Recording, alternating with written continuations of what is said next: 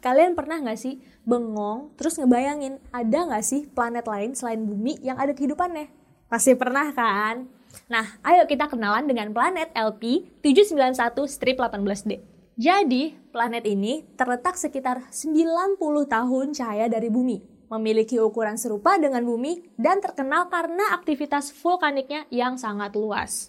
Planet ini merupakan bagian dari sebuah sistem cahaya yang mencangkup dua planet lainnya, yaitu LP791-18b dan strip 18C. Interaksi gravitasi antara planet C dan D mengakibatkan orbit planet D menjadi elips, menyebabkan pemanasan internal dan letusan gunung berapi di permukaannya.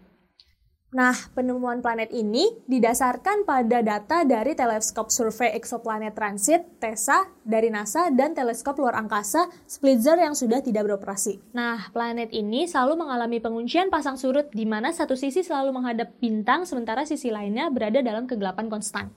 Meskipun sisi siangnya mungkin terlalu panas untuk air cair, aktivitas vulkanik yang luas di planet ini memungkinkan air mengembun di sisi malam. Studi tentang planet ini juga membantu memahami bagaimana planet serupa bumi seperti Venus dapat terus mempertahankan atmosfer mereka tanpa lempeng tektonik.